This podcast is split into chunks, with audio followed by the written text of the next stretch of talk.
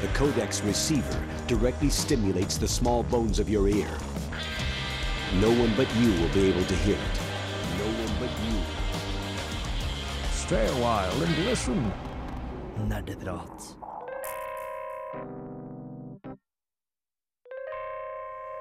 Jepp, du hører på Nerdeprat, Radio Revolts spillmagasin med en svært beskrivende tittel. Uh, det er meg, Andreas, som er uh, Eh, fører, kaptein. Eh.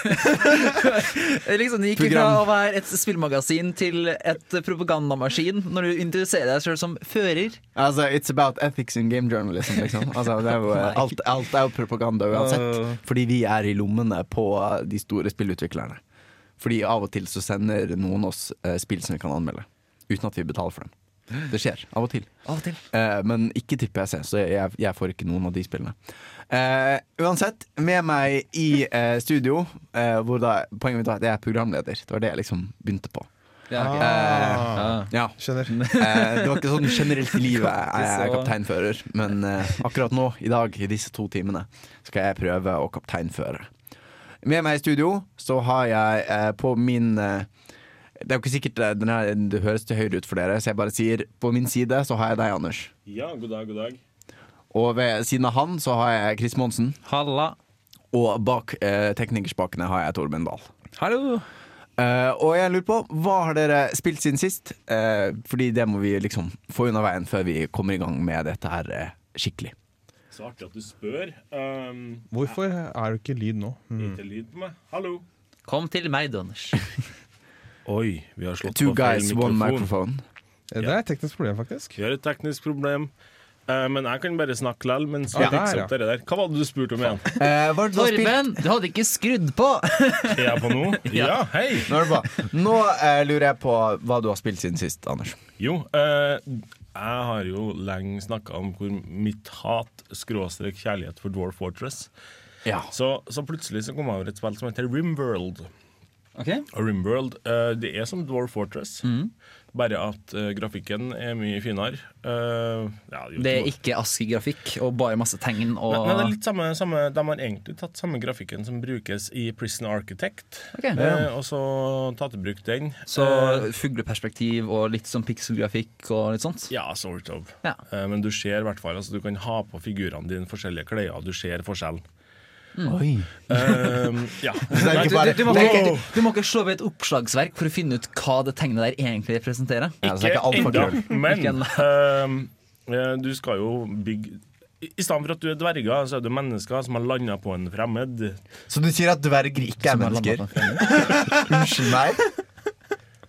Eller er det Kan, kan ja. vi bare kan vi hoppe tilbake? ja, vi, vi eh, reiser 30 sekunder bakover okay. i tid. På lik linje med sine kortvokste frender, så er det her folkene mennesker. Eh, de har krasjlanda på en planet og så skal de overleve på planeten. Og Da er det litt samme mm. som Dwarf Fortress, at de må sette opp workshops og eh, Q-ordrer og sånn. Eh, bare at det er lagt litt mer vekt på combat, og du har utrolig mye færre personer å forholde deg til. Mm.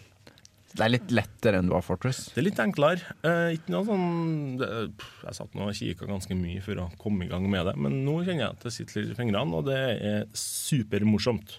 Ja.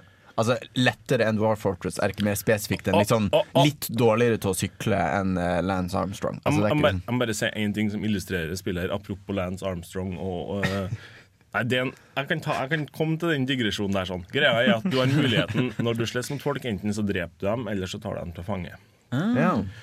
Når du har tatt dem til fange, setter du dem i et fangehull. Og der kan du bestemme enten uh, Skal vi prøve å gi personen her mat og sånn og overbevise han eller hun om å bli med og joine oss og være med og bygge vår romkoloni. Eller eller så kan du selge dem til pirat pirattraders, eh, som sånne intergalaktiske rompirater som bare fører rundt og handler slaver. Eller eller? Eller så kan du ta eh, og eh, transplantere ut nyrene og lungene på dem og selge dem til piratene. Ja.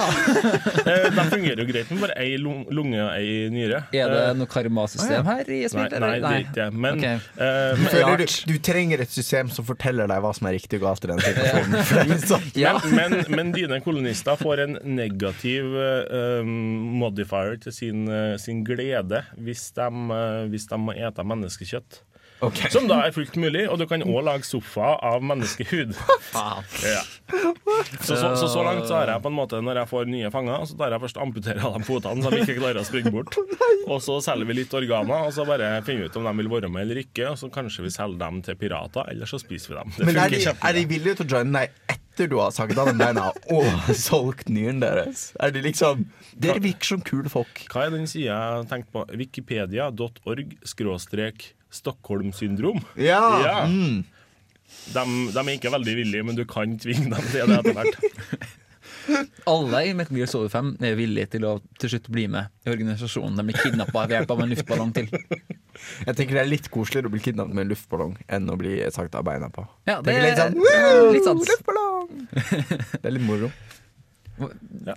Men det har jeg gjort. Jeg, jeg, jeg, den siste uka har jeg bare amputert lemmer og stjålet organ og sånn. Jeg har hatt det kjempemorsomt. Tatt ut av kontekst så høres det helt feil ut. Selv i kontekst. Nei, du da, Chris? Hva har du Nei, Jeg har eh, ikke spilt så mye i siste. Spilte litt mer Metal Gear Solid 5, eh, men har ikke spilt så mye nytt. Og har ikke spilt så mye heller, for at jeg prøver å gjøre ferdig så mye eh, skolearbeid som mulig før Fallout 4 kommer ut. Ja. For at den mm, datoen nærmer seg ganske mye.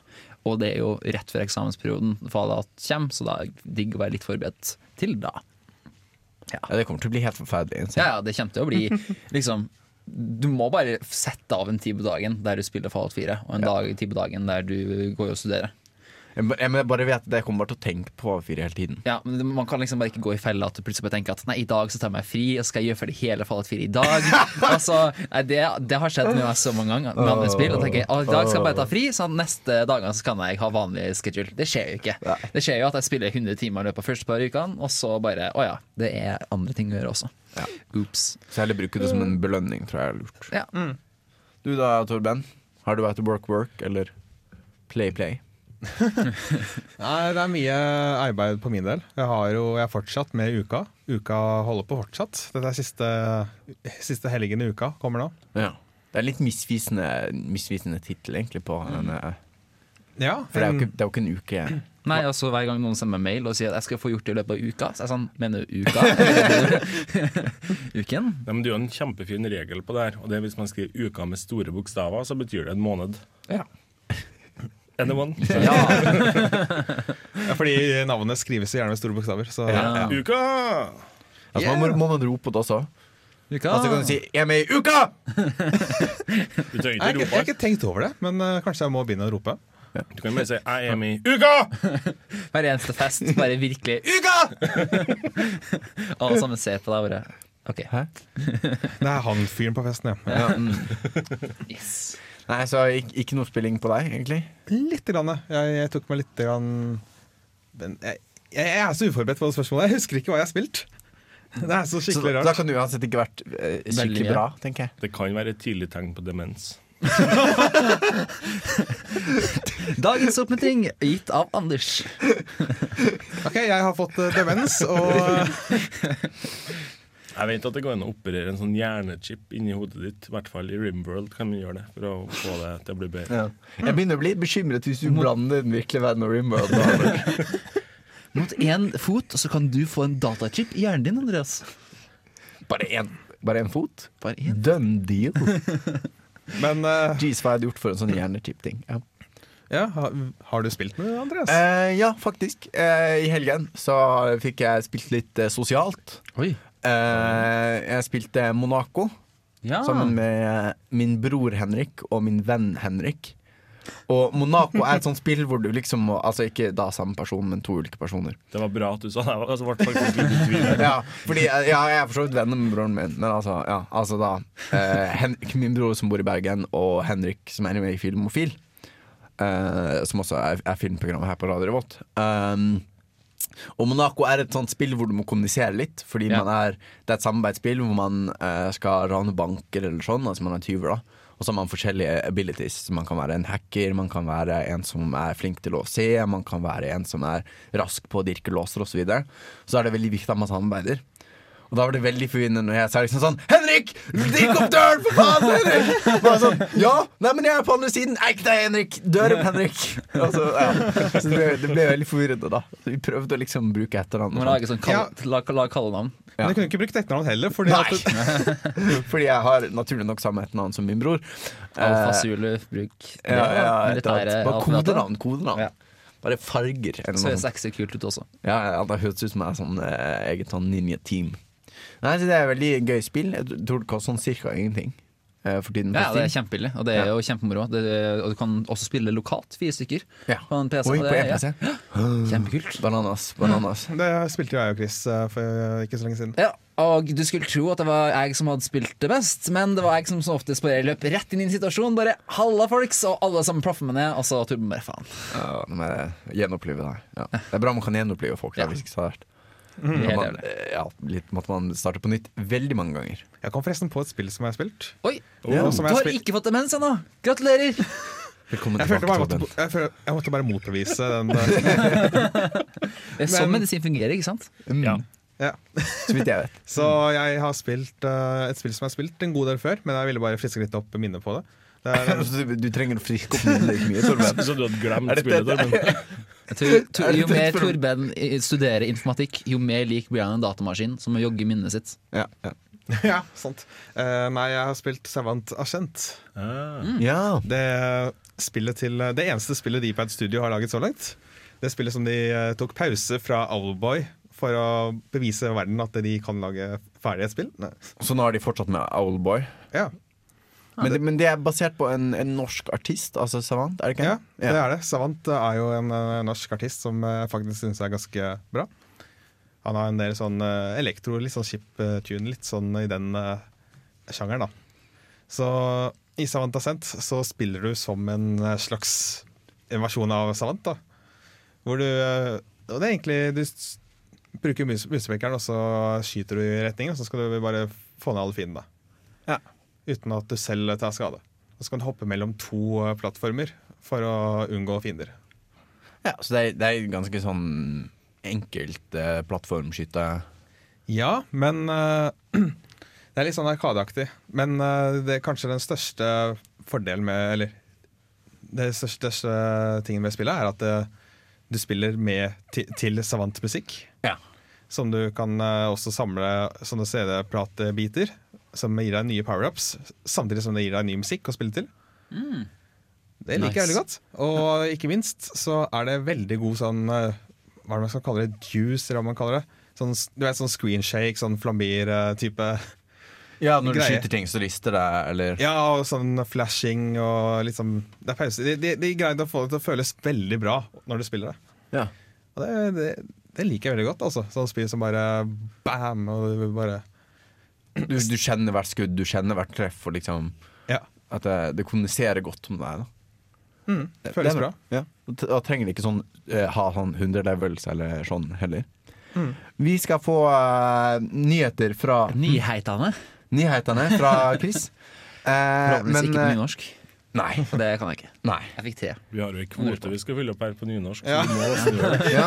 ja. Gjelder den kvoten oss? Sånn. Mm. Nei, det gjelder kun NRK, men hvis vi skal eh, prøve å få jobb i NRK, så gjelder, hjelper det å prøve. Ikke å... alle medier. Kanskje Medier? Medier. Eh, Med, media. Med, altså, per latinsk bøying så er media flertall. Et medium, flere medier. Uh, anyway, uh, du skal få uh, låten 'Tell Me Why' fra Tell Me Why-EP-en av bandet Death by Unga Bunga. Og etter det så er jeg spent på hva Chris har funnet til oss.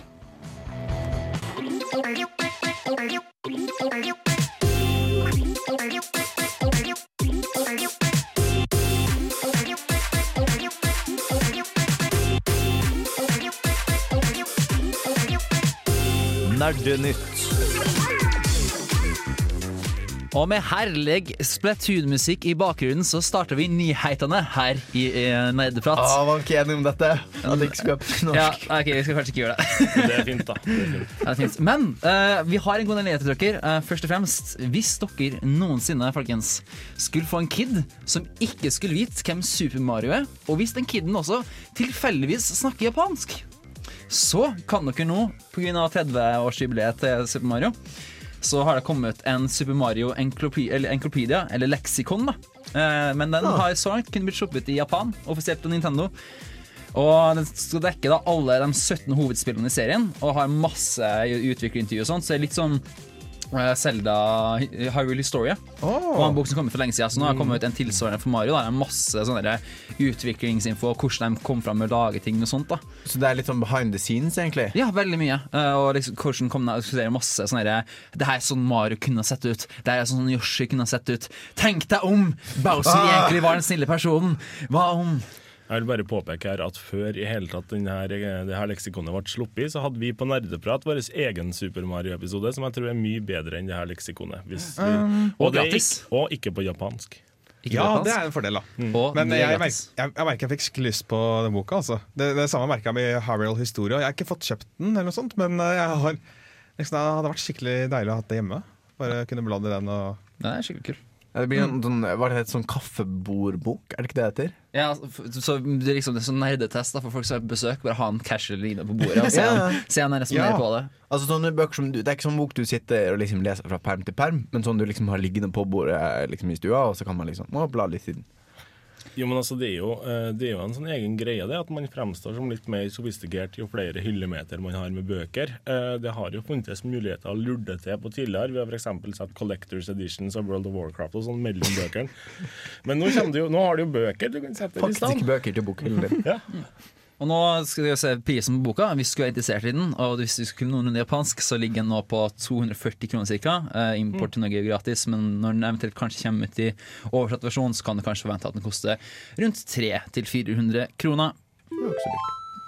Uh, nytt er at i, på Steam Greenlight ikke akkurat nå, så er det et spill som holder på å ta av veldig mye. Steam Greenlight for dere som ikke vet det, er et konsept som Steam har for å eventuelt få, inn, få hjelp av spillerne til å få inn nye spill på Steam. Og Da mm. stemmer man på spill som man synes ser kule ut, og den som har fått flest stemmer, blir da vurdert av Valve, da, de som eier Steam. Nå er det et spill som holder på å ta av veldig mye. Eh, det er et spill som heter One Life. Eh, One Life er et spill som vil prøve å gjøre død mer betydningsfullt. Det er ikke første gang det gjøres, men det er fortsatt et kult konsept. Det er et uh, zombie- eller postapokalyptisk overlevelsesspill med tvisten om at hvis du dør, så blir Steam-kontoen din blokkert for alltid ut av spillet. Dæven. Det her er jo Kojimas våte drøm, tenker jeg. altså, han, han, har jo uttalt at hvis teknologien var til stede, så skulle du, når du døde i, i en av Metal Gear-spillene, eh, så hadde han helst sett at disken bare brente opp inni maskinen Oi. Ja. ja. for at jeg hadde gjort det så mye mer intenst. Ja. Men jeg synes liksom Jeg liker veldig godt ideen, men jeg syns også den er litt dum, Fordi at hvis du gjør én liten tabbe, da eller du hvis du trykker på mm. pauseknappen, og så går det bort en stund og kjenner tilbake, og så 'Å nei, der ble jeg sett' så jeg er ferdig, da. Mm. Altså Det man på en måte sier når man gjør så streng straff, er at hvis du dør, så kommer det alltid til å være din feil. Mm. Og Det er litt, nesten litt arrogant fra en spillutvikler å si at måte, det kommer aldri til å være en feil i spillet ja. som gjør sånn at du dør. Nettopp. For det er det som ofte er sånn Når du gjør det så store konsekvenser for å dø, men så er det liksom spillets feil. Ah, drittspill! Og som en gang de sa i en Batman-film, så var det sånn at noen folk vil bare se verden brenne. så det kommer jo altså det, Man argumenterer for at det er jo veldig mange kule ting man kan gjøre med et spill sånn her. da eh, Du kan mm. jo ha at liksom, Hvis du tar noen til fange, så har det mye mer større konsekvens. Mm. Liksom, I et spill der du bare blir gjenopplevet et lite stykke unna, så det er sånn Ja, men fuck der, jeg orker ikke å være fangen din, liksom. Fuck der. Mm. Og så bare blir skutt. Mens her så er det sånn shit, OK, nå må jeg faktisk høre på hva han her har å si. Eh, nå må jeg på en måte være eh, slaven hans en stund, mm. gjøre ting for han. Eh, ja, men, sånn, ja, men også blir liksom det å kun skyte mot folk blir også en helt ny uh, greie. Ja. da, ikke sant? Du kan ikke bare plaffe ned, du må tenke taktisk. Det her er en lur ting å gjøre. Tenk om det er folk i nærheten. Uh, og tenk om du plutselig kommer i en standoff, eller en mexican standoff. Liksom, ja, ja, alle, så, alle så mye betydning. Du får, du, får, liksom mye tap, da, men problemet er liksom, har du lyst til å spytte inn da, 200-300 kroner på et spill som Koster det så mye? Nei, Jeg vet ikke om det kommer til å koste, men det må jo koste litt hvis det skal betydelig. koste 30 kroner, så er det bare å lage en ny Steam-konto. da Det er sant Og så kan du bruke opptil sånn 200-300 kroner, så har du brukt pisen på et vanlig spill. Eh, spennende blir det å se, men du vet, det blir eh, Vi får se hvordan det går. Jeg er veldig spent på det, så lenge det ikke er veldig dyrt. Eh, nå til kickstarter-delen vår, eh, for at nå tar jeg jo en kickstarter-sak hver uke.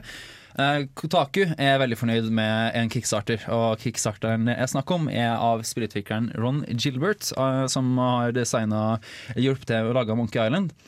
Ja, det er der jeg har eh, hørt om det. ja, uh, Han holder på nå skal lage et nytt spill, Timbleweed Park. Ja. Og de er veldig fornøyd med veldig mange De drar fram her som et prakteksempel på hvordan ting gjøres på en, på en kickstarter for at, i forhold til alle andre. For mm. du har jo hatt mange tilfeller der Eh, folk bare har sagt 'Hei, vi har et kult spill. Se på den kule konseptvideoen her.' Og så har ofte folk bare stukket av med pengene, eller så har de, ikke hatt mm. har de virkelig ikke hatt erfaring. Og da Presentasjonen deres har vært god, men har ikke vært noen virkelig innsikt. Da. Det har vært, nesten vært litt sånn lureri. da Mens her, da, for eksempel, så har de eh, lagt et skikkelig grundig budsjett, eh, og de har publisert det på nett, sånn at du ser hva som er postene, du ser hva som er mm. lønn og alt. Ja. Og så har de ofte, veldig ofte, laga oppdateringer og det er et stort problem som veldig mange andre spill-kickstartere har, er at du donerer penger, og så hører du ingenting på kjempelenge, og så kanskje hører du noe, eller kanskje hører du aldri noe, og så tenker du ja, men hva, hva skjedde nå, liksom? Hvor er, hvor er pengene? Mm. Uh, det er jo gitt, og det sier vi veldig ofte, at donerer du noe til Kickstarter, så må du aldri forvente at du får det tilbake. Er du heldig, så får du kanskje det, men Mm. Jeg liker veldig godt det at de har publisert budsjettet. For mm. det er en mm. ting som jeg hører er en uh, at det er litt dumt når folk ser på kickstarter som egentlig er finansiert mye av investorer, og sånt, mm. hvor de bare skal kickstarte en liten del av spillet. Fordi at folk blir lurt til å tro at et spill koster ikke så mye å lage. Mm. Så blant annet Bloodstained, den nye i gåseøyne Castlevania-spillet. Det, det, spillet fikk jo litt kritikk for at det ikke var helt tydelig som, eh, hvor mye som, eh, som publisher allerede hadde gitt spillet. Ja, for, for der var det snakk om at de hadde en kickstarter på 500 000 dollar. Ja, stemmer. Og den eh, kickstarteren eh, Spillet koster jo ikke 500 000 dollar å lage. De hadde allerede fått litt funding fra en eh, utgiver, men uh, utgiveren hadde liksom sagt at ja, for å finne ut hvor mye interesse er for dette spillet, så er vi nødt til ja. å ha, ha en kickstarter på det og se hvor mange folk som er interessert i å kjøpe.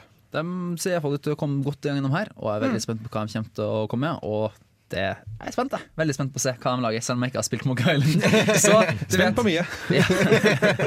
Så mye penger å bruke, du vet. Uh, kjapp nyhet før vi tar første dels hovednyhet. Uh, Steam har satt en ny rekord nå for samtlige brukere på nett. Det melder gamer.no. Uh, eh, de, har hatt 10,7 millioner samtidig som spilt i løpet av en helg. Veldig kult. Det er jo dobbelt så mange som Norges befolkning. Og det er hmm, ja, en liten sånn, du vet, fun fact.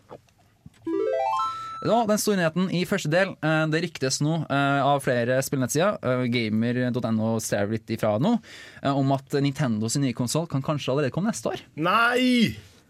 Oh. Positiv! Jeg har jo nettopp kjøpt meg en VU. det er litt sein, da. Nei, det, det. Men grunnen til det her da, er fordi at Eh, det sies at selskapet har begynt å sende ut NX, altså kodenavnet til nye maskiner. Eh, de har begynt å sende ut det da, til utviklere, skal de visstnok ha gjort. Og mm. Det er rykter som at eh, det virker som det blir bekrefta at denne skal ha en stasjonær enhet og mobil enhet. Men folk vet ikke helt hva det betyr ennå. Om det skal være sånn type som det er med VU nå, at du har liksom én maskin som du kan spille med med eller uten en gamepad, der du kan mm. spille på. Eller ja, Det er blitt veldig lite forklart, da. men det virker som at de kommer til å satse veldig mye på det her med mobilmarkedet. Det eh, er jo en ting som Nintendo bare mer og mer blir en del av, og det virker som at kanskje Nintendo NX også blir en del av det. da Kanskje blir det noe lignende som de gjør med PlayStation Vitaen. At du kan la PlayStationen din gjøre mesteparten av jobben, og så kan du spille da, på Vitaen, f.eks. Ja. Det mm. er Er, det bare jeg som føler det blir mindre og mindre forskjell mellom generasjonene? Altså konsollgenerasjonene. Det, liksom det er ikke så stor forskjell på Vi og VU. Det er ikke så stor forskjell på PlayStation 3 og PlayStation 4. At de liksom bare blir mer og mer skvist sammen, på en måte. Det er jo litt større og større, men jeg tror liksom det er vanskeligere å se større forskjeller. For at, mm. at, du skal gjøre noe så mye mer høyoppløst, da, eh, krever mm. mye mer maskinkraft enn før. Det å gå fra 1080P, eh, det som kalles HD i dag, til 4K, krever så immenst mye mer enn ja. Eh, tidligere hopp. liksom er... Jeg tror det er mer at man merker stor forskjell mellom de forskjellige konsollene, istedenfor eh, overgangen fra en ny konsollgenerasjon til altså mellom mm. konsollgenerasjonene. Og Console Wars og alt det moroet. PC Master Race. ja. Ja, Åse er ikke her i dag. er det Åse som er PC Master Race? Er ikke jeg, PC Master Race? Se på meg, da. Jeg er jo en, eh, støpt ut av en G Sånn gresk gudform. Men eh, nå må jeg nesten hoppe videre, eh, og vi skal snakke om flere nyheter. Vi skal snakke om priskutt, vi skal snakke om Fallout 4 sin nye kule trailer og masse mye annet rart. Men før det så skal du få litt musikk. Vi kommer snart tilbake, og her får du en låt jeg husker, ikke husker navnet på. This is Three Dog Ow! And you're listening to Galaxy News Radio, bringing you the truth no matter how bad it hurts. Au! Og du hørte The Apple and the Tree av Graveyard, om jeg ikke tar helt feil. Er vi er fortsatt på spillnyheter her i spillmagasinet Neideprat, og vi hopper rett videre. Eh, først og fremst så har vi et priskutt på gang. Eh, det er veldig moro Yay! for oss som ikke har kjøpt oss PlayStation 4, for nå Oi, skal den kuttes i Europa. Eller altså, prisen skal kuttes i Europa. Eh, PlayStation 4 skal ikke det. Veldig merkelig, veldig merkelig måte å presentere ting på, men du vet. Det kunne jo um, vært en, en slim-versjon. At du liksom kutter kutte ja, ja, sånn, ned i størrelse. Men det, men det er prisen ikke... som kuttes ned. Ja, Vi har ikke hørt om, noe, en, om en forbedret versjon ennå, men det er jo ganske ålreit allerede. Den er jo den mestselgende konsollen i konsollgenerasjonen her. Mm. Og nå ryktes det at den skal settes ned med sånn ca. 500 kroner til, iallfall rundt i Storbritannia og i Frankrike. Og så sies det at det skal også spres til resten av Europa etter hvert. Og folk, eller pressfire.no blant annet, tenker seg at det her kan bli et priskutt på sånn ca. 500 kroner, som vil si at eh, innkjøpsprisen vil ligge på litt under 3000 til sammen. Ja, fordi det, er mye koster den nå? 3005? Uh, eh, skal vi se, jeg skal søke litt, jeg. Ja. Diskuter pris mens dere, så skal jeg søke. Hva syns dere om pris, da, folkens? Altså, Nei, alt skulle vært gratis. Free to play konsoll? Ganske... Kunne, kunne, det fungert? Var det for mye? Altså, var det, for stort, altså, det er jo veldig ofte snakk om at det blir for mye sentralisering. Sant? Hva om kommunene har gått inn og subsidiert en PlayStation 4 til alle som flytter til sånne grisgrendte strøk? For eksempel. Man trenger ikke ha venner hvis man har en konsoll, er det liksom tanken? Det spiller ingen rolle at du er helt alene og langt fra alt som betyr noe noe, for du har en konsoll. Kan du slutte å snakke ned på livet mitt på den måten?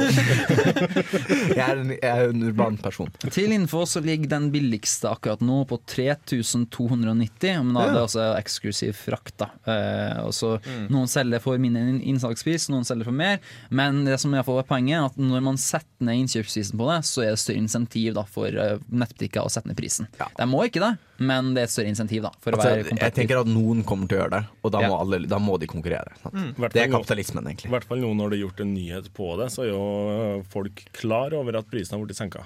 Ja. Mm. mm men jeg, jeg, er glad for å høre dette, for jeg eier ikke en PlayStation 4. Og jeg har aldri eid en PlayStation-maskin, faktisk. Ah. Det er alltid pappa som har kjøpt inn, og så har ikke jeg kjøpt, spilt noe særlig på dem. Men uh, det er jo så mange spill. Jeg kan liksom ikke PC-en min kan ikke kjøre de uh, spillene som kommer ut om dagen. Og vi, min kan ikke kjøre dem heller, så ja. Mm, ja, De har jo en kanonsterk markedsføring blant annet i USA nå, med masse svære titler. Og de kjøper jo rettigheter til å markedsføre spill som kommer til alle konsoller, ja. Eh, men kun med, med PlayStation 4-logo på slutten. Det betaler de store summer for, men det tjener de på.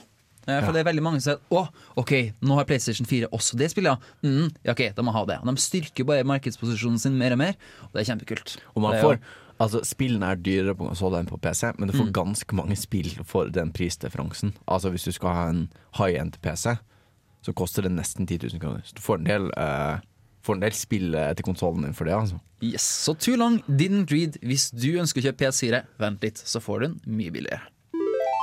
Videre til en kjapp, liten kort nyhet er at uh, den, en verdensrekord i å spille Super Mario Brothers, det originale, uh, har blitt slått uh, av en Twitch-bruker som heter Darbian. han brukte litt under fem minutter da, på å fullføre spillet, som kom ut Oi. for 30 år siden. Hmm.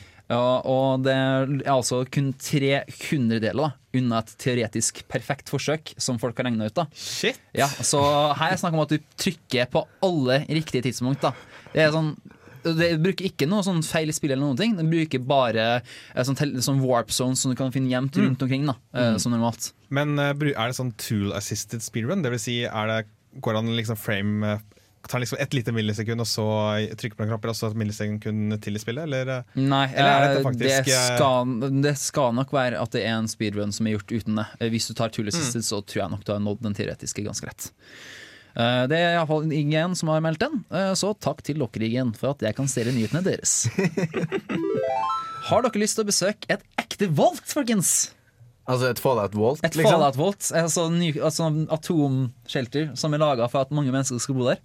Har ikke vi sånne bombe- eller sånn redningsrom hva det heter, overalt? da? Sånn gule skilt. Men de er ikke bomberom som driver med forferdelig forskning på deg? Nei, det er sant.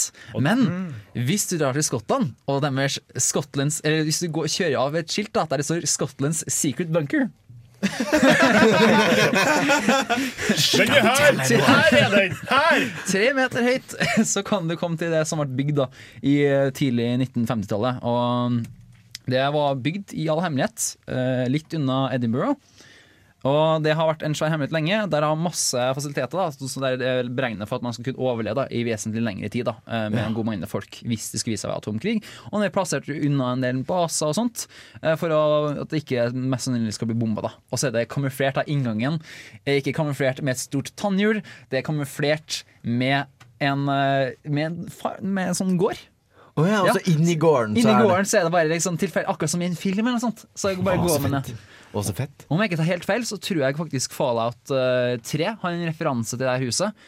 For at hvis du Oi. går inn i et skur eller en gård, eller noe sånt, så går du bare rett til en kjeller. Eh, og så der plutselig så er det inngangen til et volt. uh, eh, I Fallout 1 mm. så er det altså Der begynner du å spille med at du går ut av en volt, og først det andre volt du går inn i, der er det også at du bruker en sånn uh, inngang hjem til et skur. Mm. Så, uh, så alt skulle gjemmes bort før i tiden.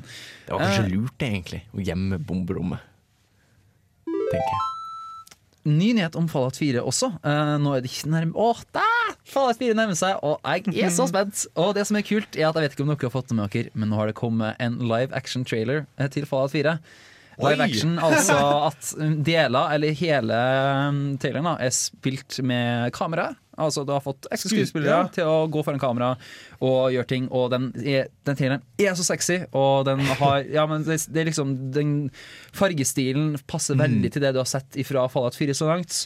Og du har musikken i bakgrunnen som er fantastisk. Eh, det, skal si, Forbes melder at det er The Wonder av en artist som heter Dion, som var en artist tilbake på 19 hundretallet. Et eller annet tidspunkt. Eh, altså musikkartisten? De har gått bort fra Inkspots, da. Så jeg bruker ikke bare eksklusivt det lenger i trillene sine. Så det er jo en ja, går unna litt av tradisjonen der, da. Men det var litt smått om Fallout, men nå skal vi få vår store nyhet. For nemlig, det høres, det høres ut som at Kojima kanskje har forlatt Konami. Eh, Konami sier nei, han er bare på ferie, han. Men eh, ifølge kilder som var på Kojimas avskjedsfest på Kojima Productions, så var jeg veldig sikker på at det var en avskjedsfest de var på. Eh, så er det, er det litt som hvor, hvor, er, hvor er kjæledyret mitt? Nei, du skjønner, Doffen er bare på feriekoloni. Der alle hundene går når de er gamle og litt slitne. Da er de, da er de på ferie. og, og det som er interessant, er at toppsjefene skal ikke ha vært der fra Konami. Så det er jo bare Det virker som at det bare har vært liksom tiendes um, eh, litt sånn dramatiske breakup som bare har Konami og Pud og feie under teppet, men så har de bare blitt busta så mange ganger i å bare prate skit at jeg tror nesten ingen som kan ta en seriøs lenger når det kommer til akkurat det.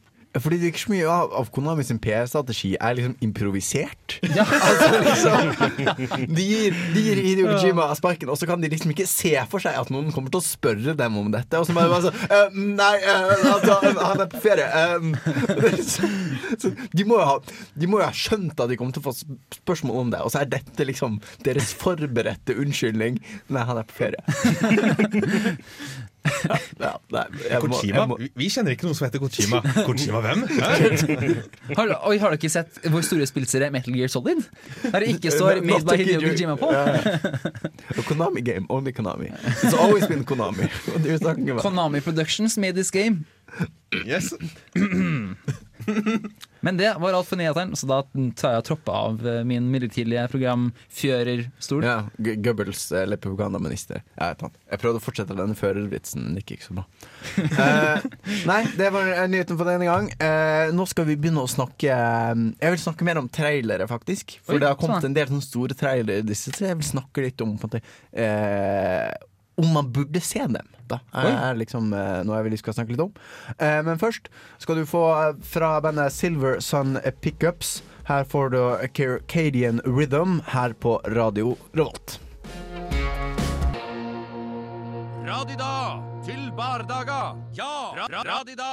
Ja, vil til bardaga. Nerdeprat på Radio Revolt. Ja!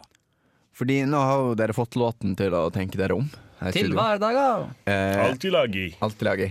Det, det morsomme med Age Vampire er at alle disse betyr ting på faktiske språk. Det er litt moro. Så det er faktisk norrønt. De anyway, eh, jeg distraherer meg selv veldig mye.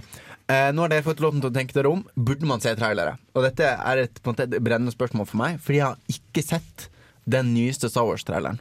Som mm. kom i forgårs.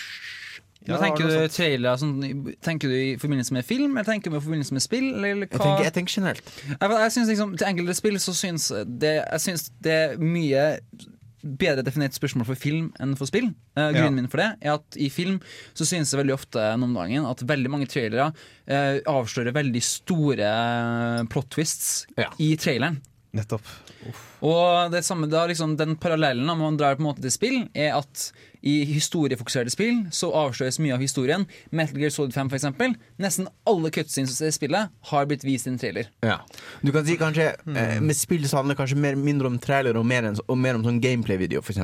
Ja, og jeg syns, jeg syns f.eks. med spill der det, det fokuset er på gameplayet, så, og hvis det liksom er et multiplayer-spill, f.eks., så syns jeg det er kjempeviktig å se traileren. Mm. Jeg vil jo se det som faktisk er hovedsakelig kjent til å bruke mesteparten av tida mi på. Mm. Spilleopplevelsen. Ja, da vil du se en, en gameplay-trailer? Ja.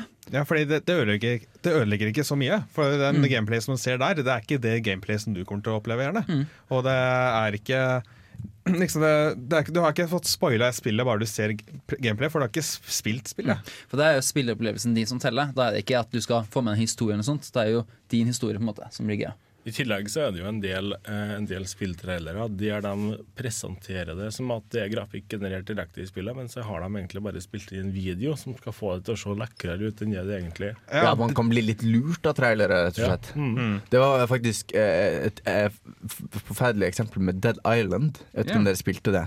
For var, traileren var fantastisk fantastisk. Ja, ja. Fanta altså, altså, det var sånn trist musikk, og så var det en altså, Ja, det var en, men at ja, gikk baklengs. Ja, det var sånn film som gikk baklengs, så i begynnelsen så skjønner du ikke hva det er som skjer, og så skjønner mm. du gradvis mer og mer hva som skjer. treneren starter jo med at du har ei dame som ligger død på bakken, og så ser mm. det ikke noe undermat ut, og så plutselig så færre oppover, og hun går opp til sånn fem-seks eh, etasjer opp. Ja, og så ser du glasset som spinner, og Ja, ja, den, den er fantastisk. fantastisk. fantastisk Og så ser du at det er datteren hennes som har blitt bitt, og masse zombier, og masse mm. alt i bare tenker man sånn wow, dette blir et spill om liksom hva zombieapokalypsen gjør med en familie, og dyp opplevelse. Men Dead Island handler om å sparke zombier og så slå dem med en hammer. Here's a gun, shoot at zombies, it's really cool. Og så wow. RPG elements. You altså, saved us. altså, så det var, altså, så det var en trailer som var liksom, bare var misvisende og liksom prøvde ja. å lure deg til å liksom tro at dette er spillopplevelsen. Altså, en ting er liksom, jeg forventer ikke denne grafikken. Men jeg mm. forventer at dette er spillutvikleren som prøver å kommunisere til meg dette er det vi går etter. Dette er de følelsene mm. vi vil leke med et spill Og det er jo veldig ofte det. Du har jo f.eks. den første Assassin's Creed Jeg husker første Assassin's Creed, så var jeg skuffa, for at traileren var sjukt badass, og det er også åpningssekvensen du ser. Mm. Eh, men, og, men, selve spillmekanikken er kul, men den var ikke så kul som i traileren. Og jeg vet, jeg vet ikke, liksom, Er det greit å egentlig lage sånn skikkelig For du har jo en sånn gigantisk server som bare Eller en eller annen maskin som bare genererer et kjempehøyoppløst eh, versjon av spillet da, som du aldri kommer til å se. Altså jeg tenker en, en, en, en, trailer Altså en ting er grafikk, men altså en trailer bør liksom prøve å showcase dette er det vi går etter. Ja. I, det, I, mm. dette spillet så har vi lyst til at du skal føle deg som en badass assassin. Som bare tju, tju, tju, Og det, det Assassin's Creed prøvde på også. Ja, det er sant så de hadde i hvert fall liksom ærlige intensjoner om hva de ville gjøre. fordi Du har på en måte et lite dilemma der. fordi at du, Trailere er ikke et spill. Du kan eh, liksom ikke få den følelsen av at du er eh, den som spiller. Mm. Så hvis de bare skulle vist eh, gameplay, så ville det vært litt stusslig, egentlig. Du ville ikke blitt så særlig imponert. Du ville ikke kunne leve deg inn i spillhandlingen. Mm. Så på sånn sett så kan jeg forstå at de er nødt til å lage noen videoer for å på en måte kunne representere gameplayet bedre. Ja men da bør de liksom gå etter samme type gameplay. Altså Jeg blir ofte ja. Jeg syns ofte det er skikkelig teit med altså, Final Fantasy og sånn, hvor alle trailerne er sånn kjung, kjung, kjung, action, Og så er liksom faktisk combaten er sånn folk som står og gynger. og så gjør de et angrep, og så står de og gynger. Og så gjør de et angrep. Og så, al altså At det på en er, er, en helt annen opplevelse. Liksom, yeah, jeg vil ha episke effektkamper, men det er jo ikke episke effektkamper jeg får. Nei. Jeg får liksom at jeg går masse med en person, og så står de stille, og så er det turn-based. Og da kunne man i hvert fall jeg vet ikke, gjort på traileren en måte at den viste mer det man gikk etter. Ja, altså Trailere burde ikke lyve. De burde være ærlige om det du får. Ja, og prøve å liksom gi deg, prøv å vekke samme følelse i deg som spiller kommer til å vekke følelser mm, nettopp. Cinematicsen til spillet den kan jo gjerne eh, spille litt på akkurat det der at det viser sånne hendelser sett fra en mye mer episk eh, perspektiv. og sånne mm. ting. Men det er det punktet at når uh, cinematicsen i spillet blir uh, det som blir mest brukt i en trailer, ja. da, da, er det feil. Mm. Men jeg tenker også ikke bare trailer, men uh, jeg tenkte på det etter at jeg hadde sett Bedesta sin E3 e Showcase. For der viser de, der viste de en del gameplay. De viste mye um, Altså de viser mye av det som kommer til å skje i spillet. da og liksom selv om jeg satt der og var helt sånn, wow, superhyped, hadde det kjempegøy når jeg så den traileren, så tenker jeg på samme måte som jeg tror jeg blir likt bedre å se den episke slåssekampen som en del av en totimers film, enn å se det som en del av en trailer Kanskje jeg mm. faktisk mm. ville blitt mer imponert av dette gameplayet hvis jeg oppdaget det selv i spillet. Ja, hvis jeg fikk presentert mm. det første gangen. At liksom wow-opplevelsen min er å se uh, Todd Howard som spiller det wow-opplevelsen, er ikke jeg som bare Oh my god! At, at, jeg kan gjøre det. At man på, en måte, på samme måte som trailere tar vekk wow-opplevelsen fra oss i film, så kan vi sånn eh, eh, Sånne lange gameplay-videoer da ta wow-opplevelsen vekk fra oss når vi mm. skal spille spillet. Men det er ikke å stikke under en stol at den, den, den, måten de fleste nå til dags blir eksponert for eh, nye spill på, er jo å sitte og se at PewDiePie kauker til dem. Når de så, så det blir jo du, du får jo ikke nødvendigvis muligheten til å prøve deg sjøl. Nei. Altså, altså det, er, det, er jo mye bedre, eller sånn økonomisk gunstig, da, for å si det sånn, altså, å sitte og se på en fyr som har spilt det i fire timer, enn å kjøpe det sjøl, og så spille det i fire timer. Ja, det er helt sjukt da, hvor mye effekt av én fyr som har en massiv følgerskare, som sier Hey bros, today we're gonna play this game, og så får this game for sånn en salgsspike i mm. taket mm. fordi han har snakka om det. Selv om det spiller dårlig, eller bare det, ja. hysterisk, så kjøper veldig mange. Mm. Ja, for, sånne så, småspill, liksom mm. Mount Your Friends eller Sånn det er Nesten litt sånn morsomt spill som på en måte er laget av et lite team. Ja, det kalles, ja, og det kalles jo PewDiePie-effekten, og det er jo mange i bransjen som faktisk betaler og bønnfaller da, PewDiePie om å faktisk dekker det. Ja. For at det har en så stor salgskraft, da. Men eh, sånn som jeg skjønte, så sier han som oftest nei da, og velger spillene han eh, vil feature sjøl, og som mm, han syns er morsomt det er å spille derfra. PewDiePie virker som en ganske ålreit fyr. Mm. Men eh, altså, dere pleier å se sånne store development uh, gameplay-videoer? Hvis et spill jeg bryr meg veldig om, så gjør jeg det. For eksempel, Jeg så nesten alle videoene som kom ut angående Metal Gear Solid 5. Da var det sånn, Jeg så hver eneste sånn Hey guys, today we're gonna play through the first level. Jeg bare, oh my god! ikke sant? Men, liksom, du, du, vet jo hva kjøper du uansett. Yeah. Så det er jo ikke for å finne ut om du skal kjøpe det. Nei, det, er det, er bare at, å bøte på sulten, ja, egentlig. Det er for at ja. du venter liksom Her så var det jo det var annonsert for to år siden, tror jeg. Det, var veldig, sånn veldig lenge siden. Og det var liksom, på det tidspunktet for eksempel, så visste du ikke engang når du skulle komme ut. Så var det sånn, ok, prøv å få i seg så mye som mulig, og så bare ok, nå må jeg vente mer. Jeg ser liksom den samme effekten. Liksom tidlig, tidligere så kjøpte du et eh, spillmagasin, eller du tok med deg Club Nintendo-magasin hjem fra lekebutikken for å se de nyeste bildene til spill og sånt. Mm. Mens nå så ser vi på spilltrailere. Mm. Det, det, er den samme tørsten, hungeren, for uh, å vite hvordan spillet er. Og, og før du hele tatt kommer til en trailer, så får du jo de teaserne som kommer. Jeg husker, mm. husker f.eks. når 'Ringenes herre'-filmene var en ny og kul greie så var det jo snakk om folk som bare betalte seg inn for å se på en annen film, for at det var snakk om at den første teaseren til 'Ringenes herre'-filmen skulle spilles mm. før denne filmen. her sånn. Da må du si M, så bare holde ut den andre filmen. Ja, sant. Og, og, og, og du, det, det, har jo med spill. Du ser jo på spill, eh, du ser jo på filmer. Eh, det har jo vært forfattere som liksom har lagt den første linja i boken sin nye bok på Twitter. Bare for å hype. Eller lagt ut første kapittelet for den del. Bare sånne, sånne ting. Det, det, skjer jo overalt. Ja, men demoer, det fins nesten ikke lenger. Det, det, det, er et eget tema. Det kalles ja. betatesting nå. No. Ja, ja, det er blitt egentlig det. Altså Battlefront beta var på en måte en, en demo. De liksom, det blir sånn dobbelt opp. da De får testet spillet sitt, og så blir det jo masse reklame for dem. Hmm. Men da er, er, Dere er egentlig for da? Egentlig at jeg burde, men burde jeg se Star Wars-traileren? Det er det er avslutningsspørsmålet. Burde jeg se Star Wars-traileren? Har ja, dere sett den? Jeg syns det er fint trailer. Jeg syns den, den, stiller mange flere spørsmål enn den svarer på. Jeg syns nesten ingen svarer på noen spørsmål. Jeg vet på en måte hva jeg går til når jeg skal for å se Star Wars, så jeg dropper den traileren. Ja, jeg også tenker litt eh, i samme baner. Ja. Skal, jeg skal jo se den uansett. Så det er jo ikke sånn at liksom, jeg trenger å selges inn av en trailer. Men skal du se den i 3D eller 2D?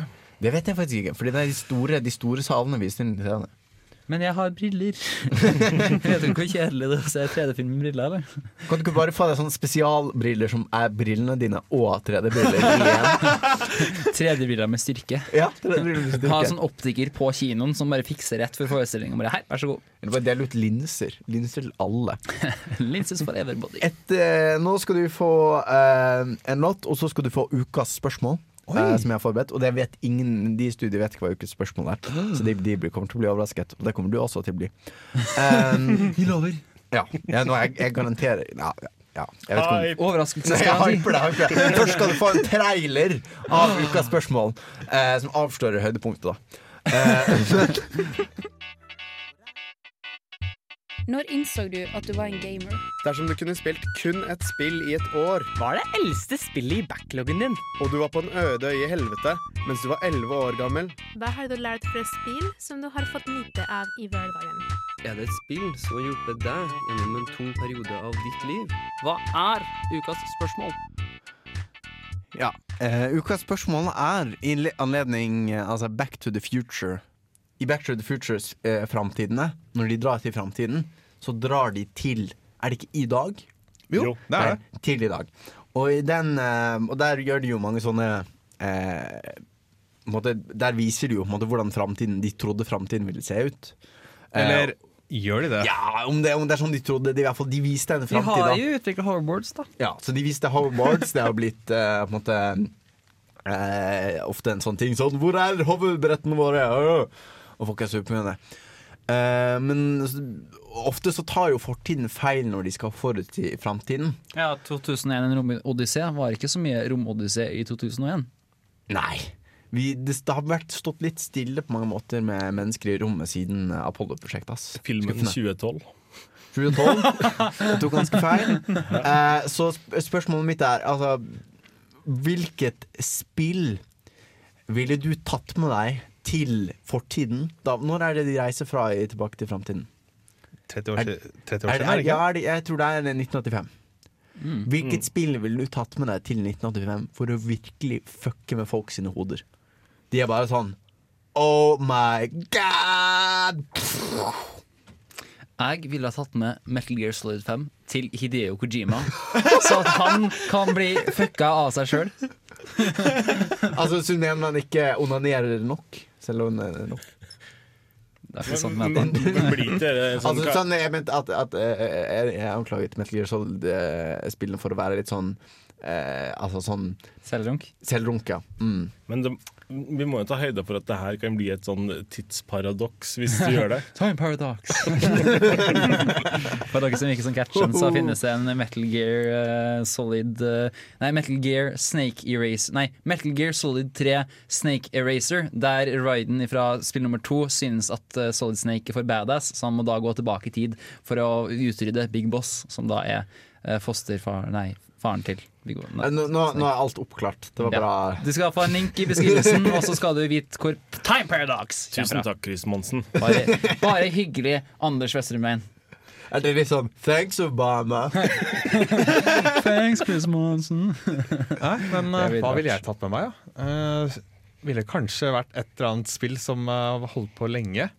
Kanskje jeg kunne tatt med nyeste Mario-spillet. Et, et eller annet uh, eh, Super... Tatt med Super Mario Maker og blitt rik på det før Han bare Shigeru Miyamoto bare Det var akkurat det vi tenkte på!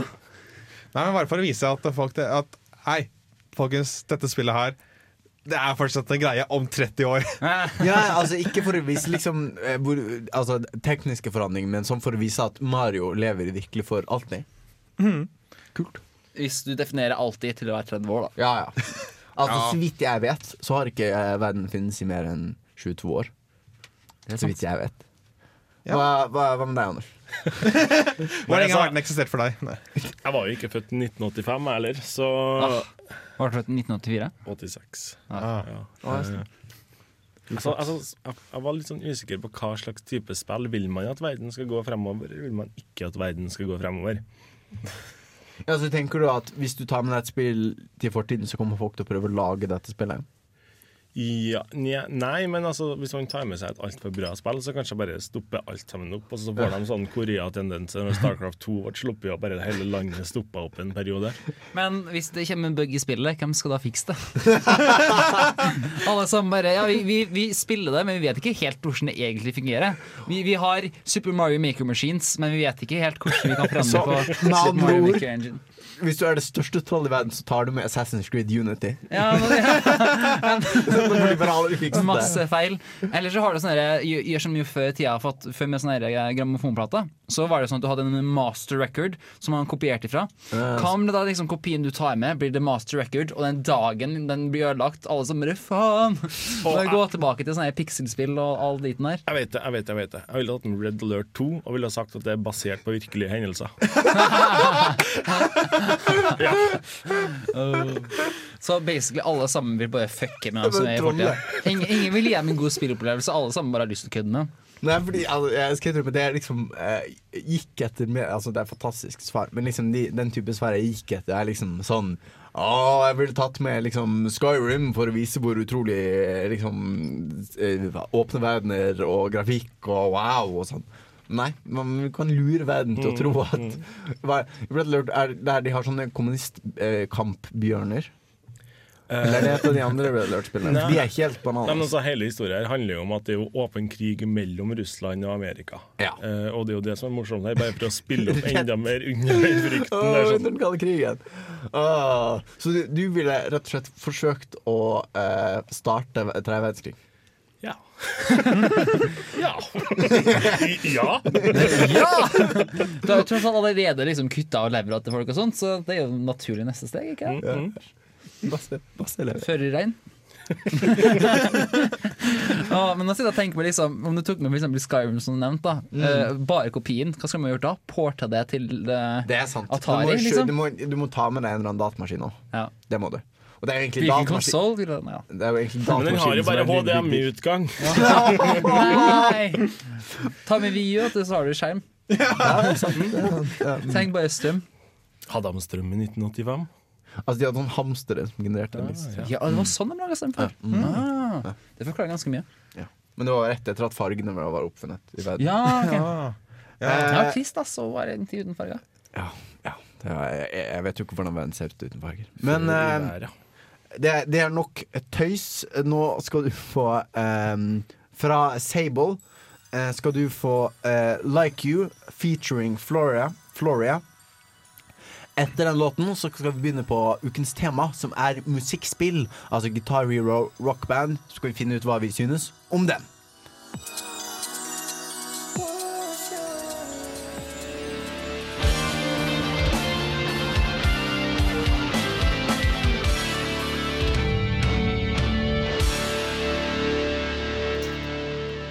passende med en sånn fet uh, gitarsolo.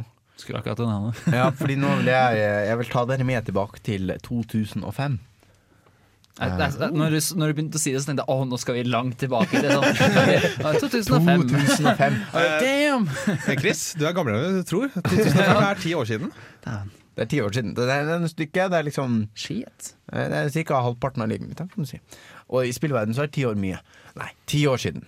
Um, og for ti år siden så hadde det på en måte Det hadde vært uh, musikkspill før. Vi hadde, hatt, uh, vi hadde en PlayStation 2. Uh, eh, vi hadde Singstar. Som yeah. måtte alltid være en, traf, tre, en, en hit på sånne Når man hadde sånn Vi hadde faktisk en bursdag med Singstar-tema, husker jeg. Uh, det var, ja, det var, det var en ja, men, stor eh, Eller liksom rock-tema, da. Det var altså. jo en mm. brand, det var jo på en måte en skikkelig sånn eh, greie. da Det var jo sånn å ha Singstar-kveld og, og sånt. Det var jo en greie som alle gjorde den tida, på en måte. Så, det, så Singstar var Tilbake kult. Tilbake i 2005. Men i 2005, for det skjedde noe spe spesielt i 2005, at det kom et, et mye kulere synes jeg da musikkspill som virkelig skulle liksom forandre ting. Eh, og liksom om det har preget livet mitt nå, det er kanskje å overdrive veldig. Eh, men i hvert fall, det kom et spill. Guitar Hero kom. Oh. Mm. Um, og det var, en av, det var ganske mange sånne plastdingser man kunne kjøpe til PlayStation 2. Ja. Men dette er helt klart den kuleste plastdingsen du kunne kjøpe til PlayStation 2. Det var en gitar med fem knapper. Eh, grønn, rød, gul, blå, oransje. Avtaket bare hals, var det ikke? Nei, det, var, det er nå må du oh, nei, jeg, jeg, eh, Hold your horses, jeg vil etter. Det kan først senere. Kjempedårlig idé for øvrig. Kjempe, den avtaken over halsen var bare utrolig dum. Uh, men poenget er at Gitario kom med en plastgitar, så sånn du kunne spille uten at eh, halsen var veldig påfestet. uh, uh, og sånn at man kunne spille rockelåtene Eh, liksom føles som om det var en mann som, selv som spilte rockelåtene. Og det var så fett. Ja, eh, jeg husker vi kjøpte, det, altså vi kjøpte PlayStation 2, vi skulle på hytta. Og liksom å, vi har hytte ved havet, og kanskje vi skulle være i båten. Kanskje vi skulle grille. Vi spilte bare Guitar Hero. Altså pappa eh, og brød, meg og brødrene mine, vi spilte bare Guitar Hero hele helgen. Eneste vi gjorde. Cool. Altså, jeg synes det var skikkelig teit i begynnelsen. Nei, fordi at uh, Jeg spilte først på easy mode. Ja, ja. Jeg tenkte her er musikkspill, her ikke takt i det hele tatt. Ok, uh, eh, starte her. Og da syntes jeg det var skikkelig teit. For sånn, Du trykka en knapp av og til, og så plutselig kom det den gitarsoloen. Sånn, ok, nå kommer grønn. nå kommer grønn. Grønn. Ok, ok, ok, nå kommer den gule, nå kommer den gule knappen. Jeg er klar. Der! Der! Gul knapp. Ok. Neste knapp. Rød knapp, rød knapp. Jeg er klar. Jeg er der. Men med en gang man liksom kom på sånn medium, så er det litt bedre. Men når man kom på sånn hard, der du skulle bygge alle fem knappene og sånt, Ja. da snakker man. Mm. Og det var bare ikke sånne det. kule eh, features at du kunne liksom eh, du kunne, hvis du kunne bytte raskt over fra én tast til neste tast, så ble det liksom en sånn Altså at eh, For det er sånn man gjør som ordentlige gitarteknikker. At mm. hvis man man slår på strengen én gang, men så bytter man fra én eh, note til en annen. Så liksom holder vibrasjonen seg, og da blir det en egen lyd. Og de som hadde laget Guitaro, harmonics eh, de var eh, musikere, veldig mange av dem. Og det var derfor de liksom var interessert i å lage det Så det var liksom Man kjente når man spilte da, at det var folk som virkelig likte rock, og det var også liksom sine favorittlåter og sånne ting. Så det var, det var eh, veldig kult. Så kunne man velge forskjellige characters den her. Man kunne liksom sånn representert forskjellige typer rock. Så man kunne mhm. spille sånn. Men nå bruker jeg veldig mye tid på Guitar Hero 1, og det er kanskje fordi liksom, Guitar Hero 1 var liksom den største forandringen. da Altså fra en, vik fra en verden som ikke hadde Guitar Hero, til en verden som hadde Guitar Hero. Rockeguden sa 'la det bli liv', la så ble det liv. La det bli Guitar Hero. Men eh, ett år senere også fra Manic, så kom Guitar Hero 2. Og det var altså det første som kom til eh, Xbox 360 og PlayStation 4. Uh, nei. Det, jo, det kom til Xbox 360, men ikke til PlayStation 3. For dette var før PlayStation 3. Så vidt jeg kan mm. huske yeah. uh, Og det var liksom litt samme greia. Sant? Mer, bedre grafikk, flere låter, andre låter, kanskje viktigst av alt. Og liksom litt finpussing, men mye det samme. Daru 2. Så det var i 2006. Jeg har en liste med alle gitarer og spillene, og, eh, og det er en ganske lang Det er en ganske stappet A4-side. Men det er liksom, altså det er én tynn linje per spill, og det er en helt stappet uh, fordi oi, oi. Ja, det er jo hele arket, jo. ja, ja. Fordi i perioden mellom 2005 og 2010 så kom det 1, 2, 3, 4, 5, 6, 7, 8, 9, 10, 11, 12, 13, 14, 15, 16, 17, 18, 19, 20 gitarer å spille. Og i tillegg 1, 2, 3, 4, 5, 6, 7, 8, 9, 10, 11, 12, 13, 14, 15, 16, 17, 18, 19 rockbandspill. Så i perioden mellom eh, 2005 og 2010 så skulle det slippes 40 musikkspill. Fra to Og dette er bare de musikkspillene som kom fra eh, Guitar Hero og Rockband-serien. Så det er to franchiser. 40 spill på fem år. Har utviklerne hørt om supply and demand? We create the man We are the man Nei, så Hva var det som skjedde mellom Altså mellom Guitar igjen? Som var helt, altså det var et av de, liksom, de virkelig sånn breakthrough-hitene. Det ble en kjempehit. Alle skulle ha det. Og det var, det var, bare til PlayStation 2. Det var liksom ikke til andre konsoller, bare til PlayStation 2, men det ble en kjempehit. Alle skulle ha det. Masse gode ratings. Altså, altså, det var en kombinasjon av at liksom, kritikerne likte det, og folk likte det. Så hva var det som skjedde fra Guitar Hero 1 i 2005 og til si for eksempel um, Hvilket spill var det som kom i 2010, da? Guitar Hero Warriors of Rock. Uh, det har jeg ikke hørt om. Nei. Det er illustrativt. Fordi det kom, altså det kom Guitar Hero 1, 2, 3, World Tour 5, Warriors of Rock. Og nå, for det er dette som er på en måte aktualiteten uh, For nå i år så kommer Rock Band 4 og Guitar Hero Live. Ja, og da har det vært en Altså Rock Band 4 har liksom akkurat kommet, eller skal akkurat til å komme, mens Guitar Hero Live ligger, ligger liksom noen uker foran oss. Uh, og da har det gått fem år siden siste musikkspill. Så det jeg vil snakke litt om i dag, er på en måte musikkspillene. Hva var det som gjorde dem kule? Hva var det vi likte med dem? Uh, hva var det som gjorde at det liksom ble fullstendig brukt, og at det ikke kom noen sånne musikkspill på fem år. Og kanskje til slutt var spørsmålet Er verden klare for musikkspillene igjen? Kommer de til å få en renessanse? Det er spørsmålet. Men først, eh, et av de første gitarhyllelåtene jeg prøvde meg eh, på å spille, og den er liksom sånn grønn, grønn, rød grønn. Og jeg ser fortsatt, i hvert fall når jeg spilte mye gitar, så så jeg, jeg lukket øynene, så så jeg disse notene komme mot meg. Eh, når jeg lukket øynene. Her får du, eh, med John Jett, I Love Rock and Roll.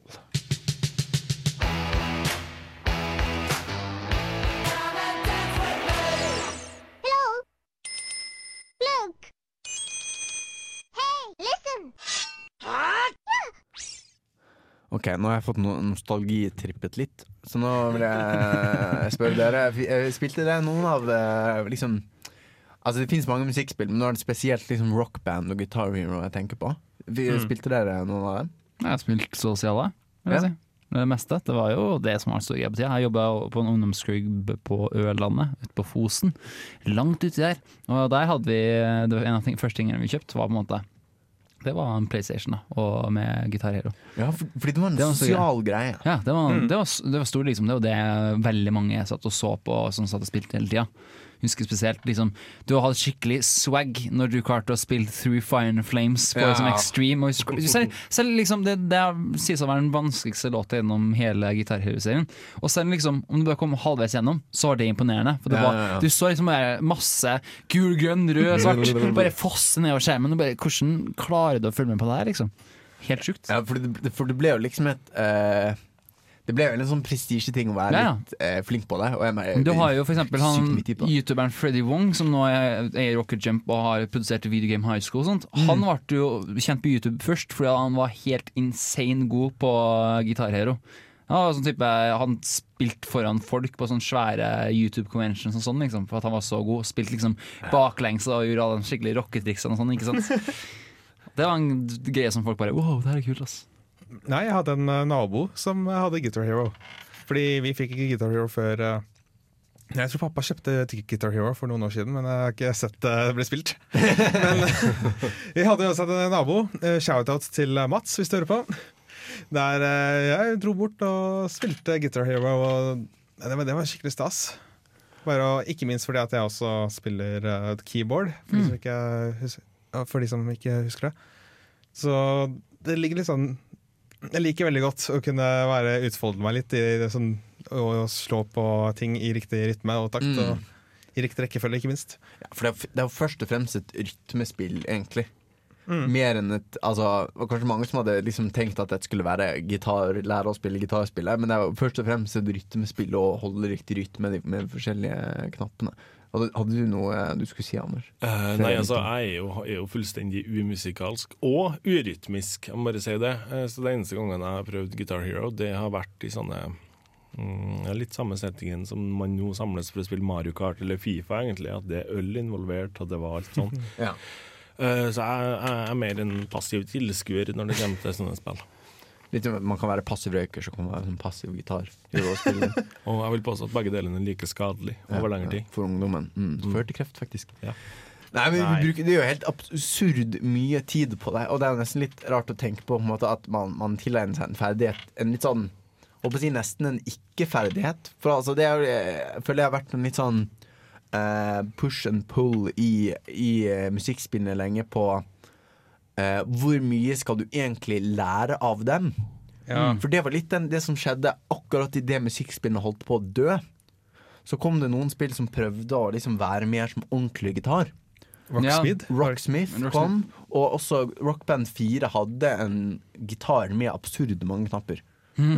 Jeg mener de hadde liksom Hvor mange bånd er det på en gitar? Altså 14 bånd og strenger Så hadde liksom 6 ganger 14 eh, knapper. Altså, det- og du kunne Kunne ikke også, spilt gitar. du kunne, Ja, du kunne også spille den med en ekte gitar. Ja, ok Men de Jeg vet ikke om, altså, om det var fordi at Hvordan får du kommunisert det på en skjerm? Altså hvordan du kommuniserte hvilken knapp? Ja. Nei, det, det, Det, er liksom det er lys, lys grønn. Lys, lys grønn. Lys, lys, lys- lysgrønn. Du kan How? kanskje, kan kanskje jeg vet ikke, faktisk få sånne akkorder og sånn, Kanskje. Ja. ja, mm. sånn tabs. Fargekoda pluss tall, vil jeg velge. Ja, tablatur. Ja. Mm. Eh, et eller annet. Eh, men det, det, det vet jeg ikke, fordi eh, liksom Innen da så hadde musikkspill dødd litt. Og kanskje de hadde glemt eh, hvorfor vi egentlig spilte dem.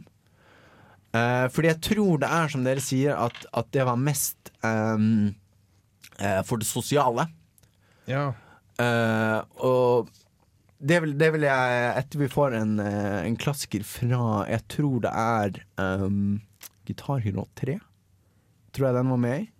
Eller i Jeg tror faktisk den var med i den første. Å oh, ja. Ja, det, er, det, er, det, er så, det, er så, mange, er så mange spill, vet du. Hvis du vet hvilken sang dette kommer fra, kan du sende SMS til Radio Rolt. Ja. Ja, vi kan søke på Google. Ja. Uh, men uh, poenget mitt er uh, Fordi det skjedde liksom noe mellom Altså Gitaro 1 var ganske likt Gitaro 2, Gitaro 3 var ganske likt Gitaro 3. Men i 2007 så kom det et spill som var ganske annerledes, og det var Rock Band. Og det vil jeg snakke om etter at du har hørt med Iron Maiden. Her får du Run to the Hills.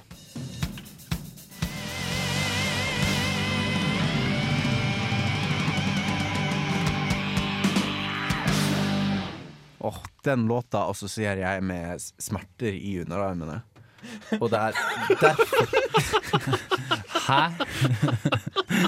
Hæ? Jeg skal ta ut det som et sitat, som bare hver gang liksom, ting du ikke skal si på radio. Nei, uh, fordi Fordi jeg spilte tro Var det, uh, det onanering eller selvskanning det jeg tenkte på? Jeg vet ikke hva engang. Anyway, det jeg tenkte på var Anders har fått helt latterkrampe. Oh. Nei, det jeg tenkte på, var uh, Si fra. Jeg, jeg, jeg kan mye til Anders siste. Send. Oh, det var godt å bli ferdig og fly nå. Ja. ja. Eh, nei, eh, fordi jeg spilte trommer. Og det er derfor jeg vet hvilken, hvilken spill den kom fra. Den kom fra Rock Band 1. Ja, det var det. Mm. Fordi det var noe som skjedde mellom Gitar 3 og Rock Band 1. De kom ut eh, samme år. Samme år. Eh, men stadig vekk altså, Jeg føler gitarspillene handlet mye om på en måte Etter hvert handlet det om å bare bli flinkere og flinkere. Og de mm. hadde noen moduser hvor du, mye sånn kompetitive moduser som får flest poeng og sånn. Men det rockband innførte, var to nye instrumenter i tillegg til gitar. Ja. Og basta, som på en måte er nesten gitar. I hvert fall i spillsammenheng. Nå må jeg ikke få noen sinte bassister som sender oss eh, mail og sånn. Uh, men de innførte vokal, og de innførte trommer. Og det er det jeg følte som virkelig gjorde dette til en sosial begivenhet. Å ha folk over. Og vi var fire i et band, og vi spilte låten, og det var sånn yeah! Og liksom, Istedenfor fire som spiller på samme solo. ja, ikke sant? Hun spilte én trommer, og én spilte gitar, og én spilte bassen, og én tok liksom Å, nå er det gitarsoloen, så da fikk liksom bare den foran, og så kom den som sang, og sa yeah! Og så hadde alltid noen som fikk kjett for at de fucka opp for alle sammen. Ja, ja. Fordi man tapte som et lag, da. Hvis det var noen som eh, eh det var noen som virkelig gjorde det dårlig. Men det var liksom, noen spilte på easy, noen spilte på hard, og jeg føler rockband på en måte, de gjorde det mindre kompetitivt. Eh, og mer sosialt, og det likte jeg, likte jeg veldig veldig godt. Det, fordi det er på en måte Da var det mer fordi for at det virkelig skal være sosialt, så bør folk som har veldig forskjellig ferdighetsnivå, kunne spille sammen. Ja.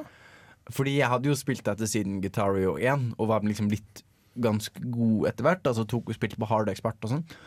Uh, men så var det noen som måtte, aldri hadde spilt og spilte på easy, og da blir det liksom teit hvis vi skal ha en duell og liksom spille mot hverandre. Ja. Da passet det mye bedre at vi spilte sammen og på en måte kunne Eh, spille på hver måte, og det fungerte fint. Men det var sånn at man kunne sette i innstillinga at trommene er easy, mens gitar er vanskelig og sånn? Ja. Ah, okay. ja. ja. Så trommene Man valgte eh, hver sin vanskelighetsgrad, da.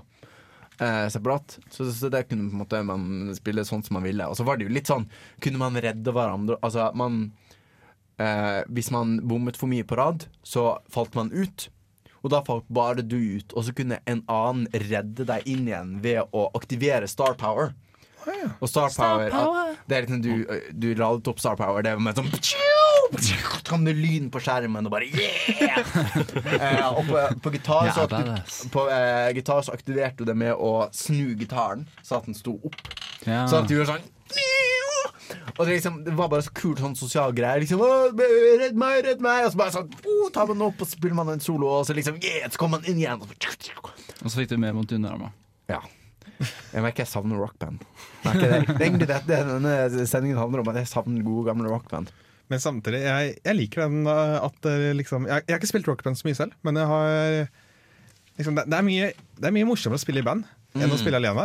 Ja, for du, må, du, har liksom den dynamikken mellom deg og andre. Og dette sier jeg i en kontekst av at jeg, å spille keyboard alene versus å spille keyboard sammen med andre. Mm. Det, det er mye morsommere å være i band, for da må du liksom Du må time riktig sammen med de alle, de andre, andre, og dere er flere i samme båt. Og, liksom. mm, mm. og hvis, du, hvis, man ikke spiller så bra sjøl, så høres det bedre ut når det andre, alle andre folk som spiller bra. Mm. Fun fact. Men jeg synes også noe som er interessant med rockband, var trommene. For mm. liksom, det er litt tidligere om altså, dette med ferdighet og på en måte Men når man spiller trommer i rockband, så spiller man nesten trommer. For du slår jo på en måte på én Det var sånn fire rundinger, og du slår jo på den rundingen på akkurat samme måte omtrent som du slår på en high apt, og du slår liksom på så, du, så, jeg merker jeg ble, ble eh, Broren min er trommis, da, og jeg merker jeg også ble bedre til å spille trommer etter jeg hadde spilt mye eh, rockband. Altså Det er jo ikke helt det samme, fordi når du spiller faktiske trommer, så kommer liksom ikke hva du skal spille rullende mot deg. Eh, så det må du huske. Eh, men på en måte, der var det veldig direkte sammenheng mellom hva du spilte, og hva du hørte. Og at det kanskje var litt begynnelsen på um, ehm, Begynnelsen på denne liksom, dragningen mot at man skulle gjøre det mer likt å spille et faktisk instrument. For det var liksom en tanke som av og til slo når jeg hadde brukt mange mange timer på Guitar Hvorfor brukte jeg ikke alle disse timene på å spille Lær meg gitar isteden? Kunne jeg faktisk, liksom, faktisk spilt gitar? Mm. Men det er mye bare mye morsommere, da. Ja, altså, det er jo sikkert Oi, Uh, men det er uansett ja. mye morsommere å um, Det er sikkert den vitsen vi kom med i sted. Ja. Kommer, nå kommer Andreas nerdeprat. Send noe dit nå! Uh, nei, men altså Jeg tror nok det er at det, er jo, det som gjør det så mye bedre, er at veldig mange opplever at terskelen for å bli flink til et instrument er ganske høyt. Mm. Mens i rockband og gitarhero så er det ganske umiddelbart da, at du føler at du mestrer. da at det er iallfall ikke like vanskelig, og det høres litt kult ut, og du får liksom originalsangen bak, og det høres skikkelig nice ut når du klarer å treffe en tone. Mens i virkeligheten så er jo mesteparten består at du må slite veldig mye, veldig ofte i begynnelsen, ja. Eh, og så blir man flink etter hvert. Og jeg tror det er veldig mange som ikke orker å vente på det, eller som ønsker å legge inn tida eller penger. Og så er det litt det, måten det du bruker når du øver deg. Altså, det er mye kulere å øve på f.eks. Eh, Run to the Hills med Maiden enn Hang Down Your Head Tom Dooley. Over lengre tid. Ja. Og kort tid da egentlig. Altså. Ja, jo jo, men, men altså, du, hvis du skal lære deg å spille gitar, så må mm. du jo mm. starte på ei sånn låt, og så bare jobbe deg oppover til Run to the Hills, da. Ja, og spille mm. skalaer. Masse skalaer. Ja, fordi jeg har, for jeg har faktisk Jeg, har, jeg hadde faktisk en elektrisk gitar. Oi. Som jeg aldri har lært å spille, fordi det var så sykt kjedelig. Å sitte og spille skalaer, sånn, så tar det så utrolig lang tid. Og du får liksom ikke den umiddelbare feedbacken. Det er mye det spill handler om. egentlig Å få umiddelbar feedback. Sånn, poeng, mm. eksplosjon. Sånn, det, det, er liksom, det er dopaminrush, eh, det er egentlig å, å, se det med en gang. Men eh, da er eh, det videre spørsmålet Er verden klar igjen for dette? Fordi det var jo en hel tørke eh, mellom 2010 og 2015 dette året på musikkspill. Mm. det spørsmålet skal jeg stille på nytt igjen om eh, mm. ca. tre minutter. Når, etter at vi har hørt eh, med eh, Creedence Clearwater Revival Jeg tror den var med i Rock Band 2, hvis jeg husker riktig. Her får du 'Fortunate Son'.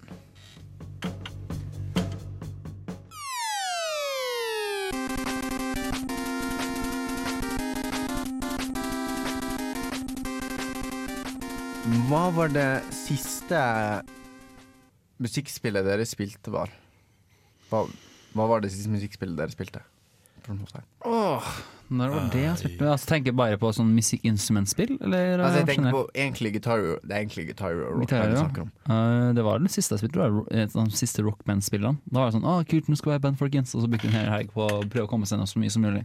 Ja. Og så etter det, så det var på den tida der det begynte å bli liksom Nå har vi spilt det kjempemye. Skal vi spille noe, da? kan vi være så snill å spille noe annet? Ja. det var litt oppbrukt. Eller nei, faktisk det siste spillet jeg spilte var faktisk Rocksmith en gang. Uh, men oh, ja. problemet var at den elektriske gitaren jeg hadde på det tidspunktet, var sånn billig 1000 kroners drittgitar. Så den ja. uh, ville ikke registrere alle oh, ja. Selv om jeg spilte rett, da, så ville den ikke registrere det på eh, spillet, og det var jo skikkelig irriterende. Ja. Ikke det klassisk der, Chris, at straks noe du ikke får til noe, så skylder du på utstyret i stand? Jeg bare sier det. Var, det en impotensvits? Nei. Men det ble det, det, det føltes litt sånn det var ikke meninga at det skulle gjøre sånn, være sånn. At det skulle bli sånn. sånn, sånn. Men nei, hvis jeg kan få lov til å jukse litt, så det siste musikkspillet jeg spilte, var Donkey Konga 2. Oi, mm. spennende. Ja, Noen av dere husker Det det? er jo på en måte et musikkinstrumentspill, for du spiller jo på tromme, gjør du ikke? Ja, du sitter der med bongotrommer i plast. Og du skal enten spille på, eh, liksom slå på venstre, eller slå på høyre, eller slå på begge samtidig, eller klappe. Og det Har skal, den en mikrofon? ja. Men hva om den hoster veldig høyt? Dør du i spillet da? Nei, jeg tror du det, det skal generelt sett bare være en høy lyd. Ja, ok. Du kan, du men, kan slå noen, eller ja. Du kan joike over dem. men, men, ja, når, eh, men, er det fortsatt en greie? Når kom nyeste Donkey Kong? Nei, det var liksom det Nei, siste spillet. GameCube er det. GameCube ja. Ja, så det er så lenge siden. Så jeg lurer på om det var det samme at vi, vi hadde planer om å skape oss Rockman 2, og så bare, sånn, ble det ikke noe av. Og så tenkte vi vi må skaffe oss Rockman 3, og så ble det ikke noe av. Det morsomme er at det kom, faktisk kom et Donkey Kong-slags eh, actionspill hvor du spilte mer i trommene.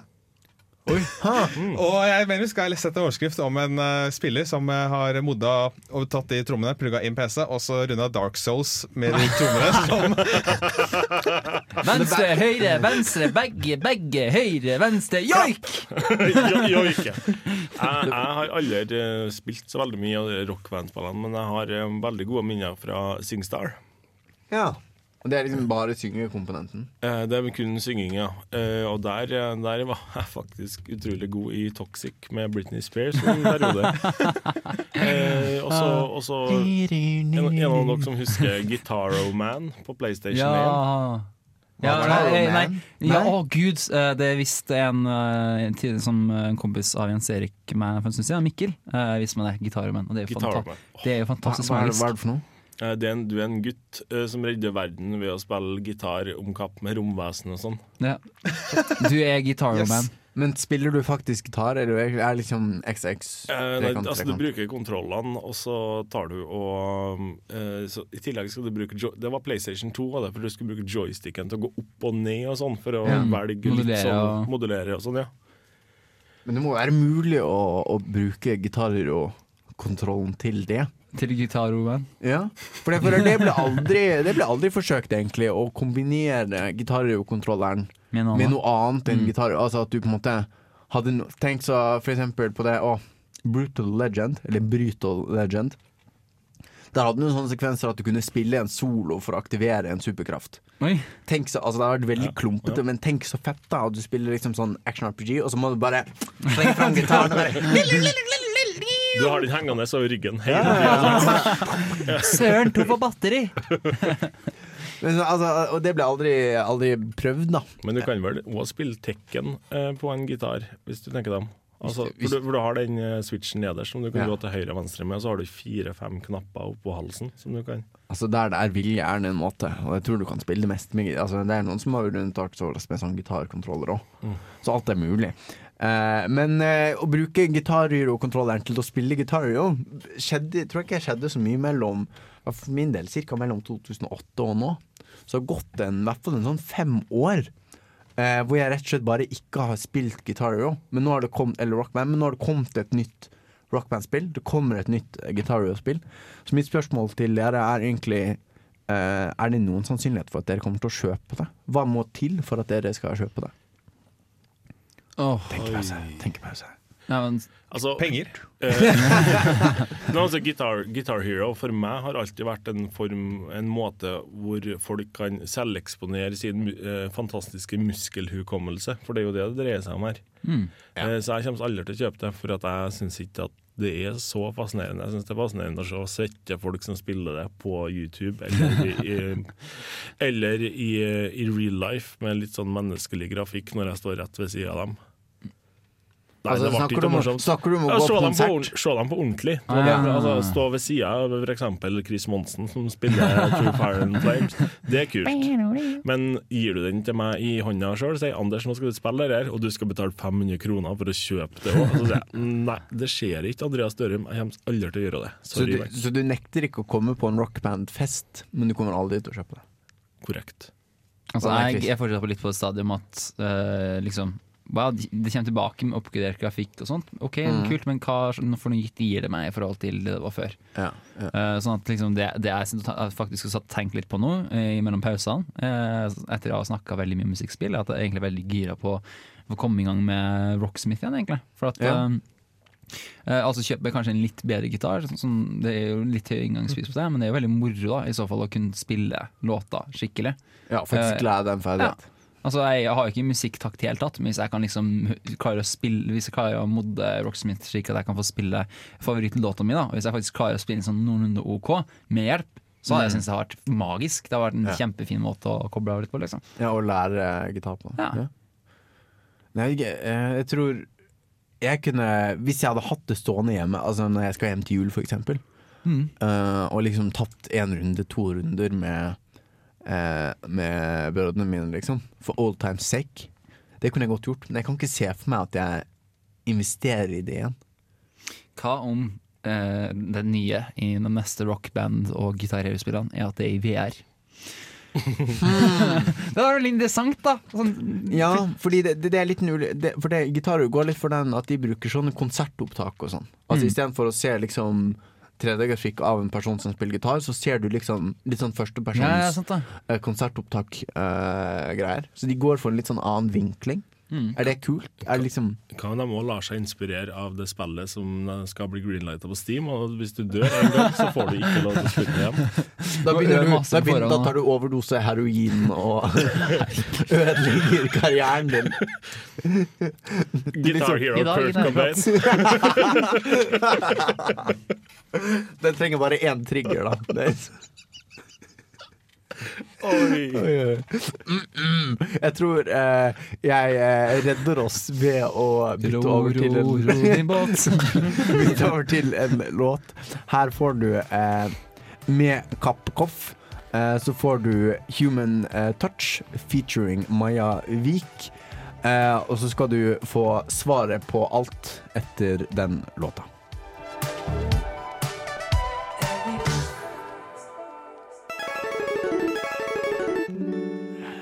Jepp. Um, ehm, vi er ikke sånn super-supergira for de nye uh, rockband-gitarspillene, merker jeg. Hvis det kommer Gitarroman 2, så blir jeg gira. Oh, ja. Jeg har lyst til å spille Gitarroman 1 også, men det skal visstnok være litt vanskelig å få tak i. Kanskje det ligger på PlayStation Store. Håper det. Da har veldig lyst til å spille Gitarroman plutselig. Fikk jeg, egentlig, jeg tror, altså, fordi jeg har hørt rykter om at uh, de gamle kontrollerne fortsatt er kompatible. Mm. Ja, på Rockband iallfall. Jeg tror vi må ja. ha en ny på Guitar Hero. Oi, okay. Det er litt kjipt, da. Uh, altså, første, for vi hadde, en, vi, hadde en, Xbox 360, og så har vi en PlayStation 4. Det er USB, men ja, Kanskje. Det går. Kanskje. Ja, men det var USB, men hadde, git, Guitar Hero hadde vel um, rare koblingene til PlayStation 2, i hvert fall. Men hadde de til PlayStation 3 også?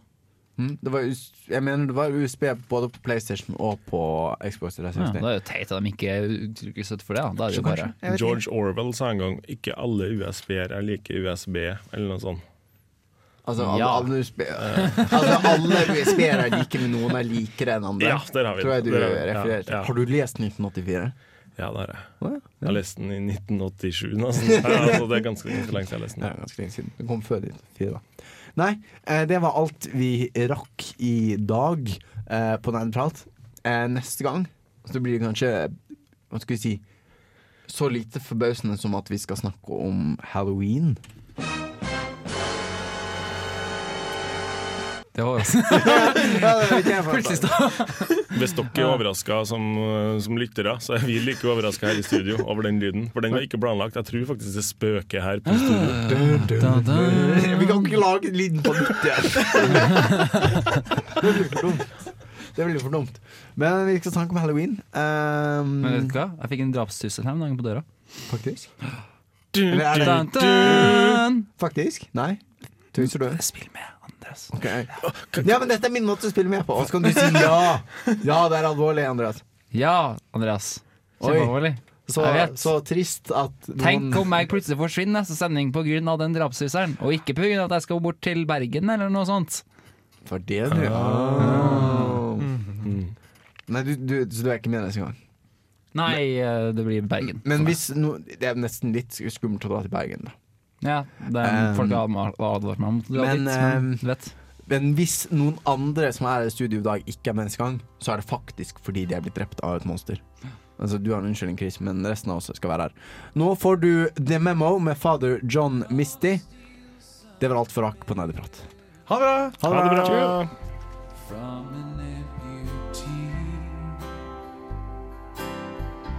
gonna mount a mountain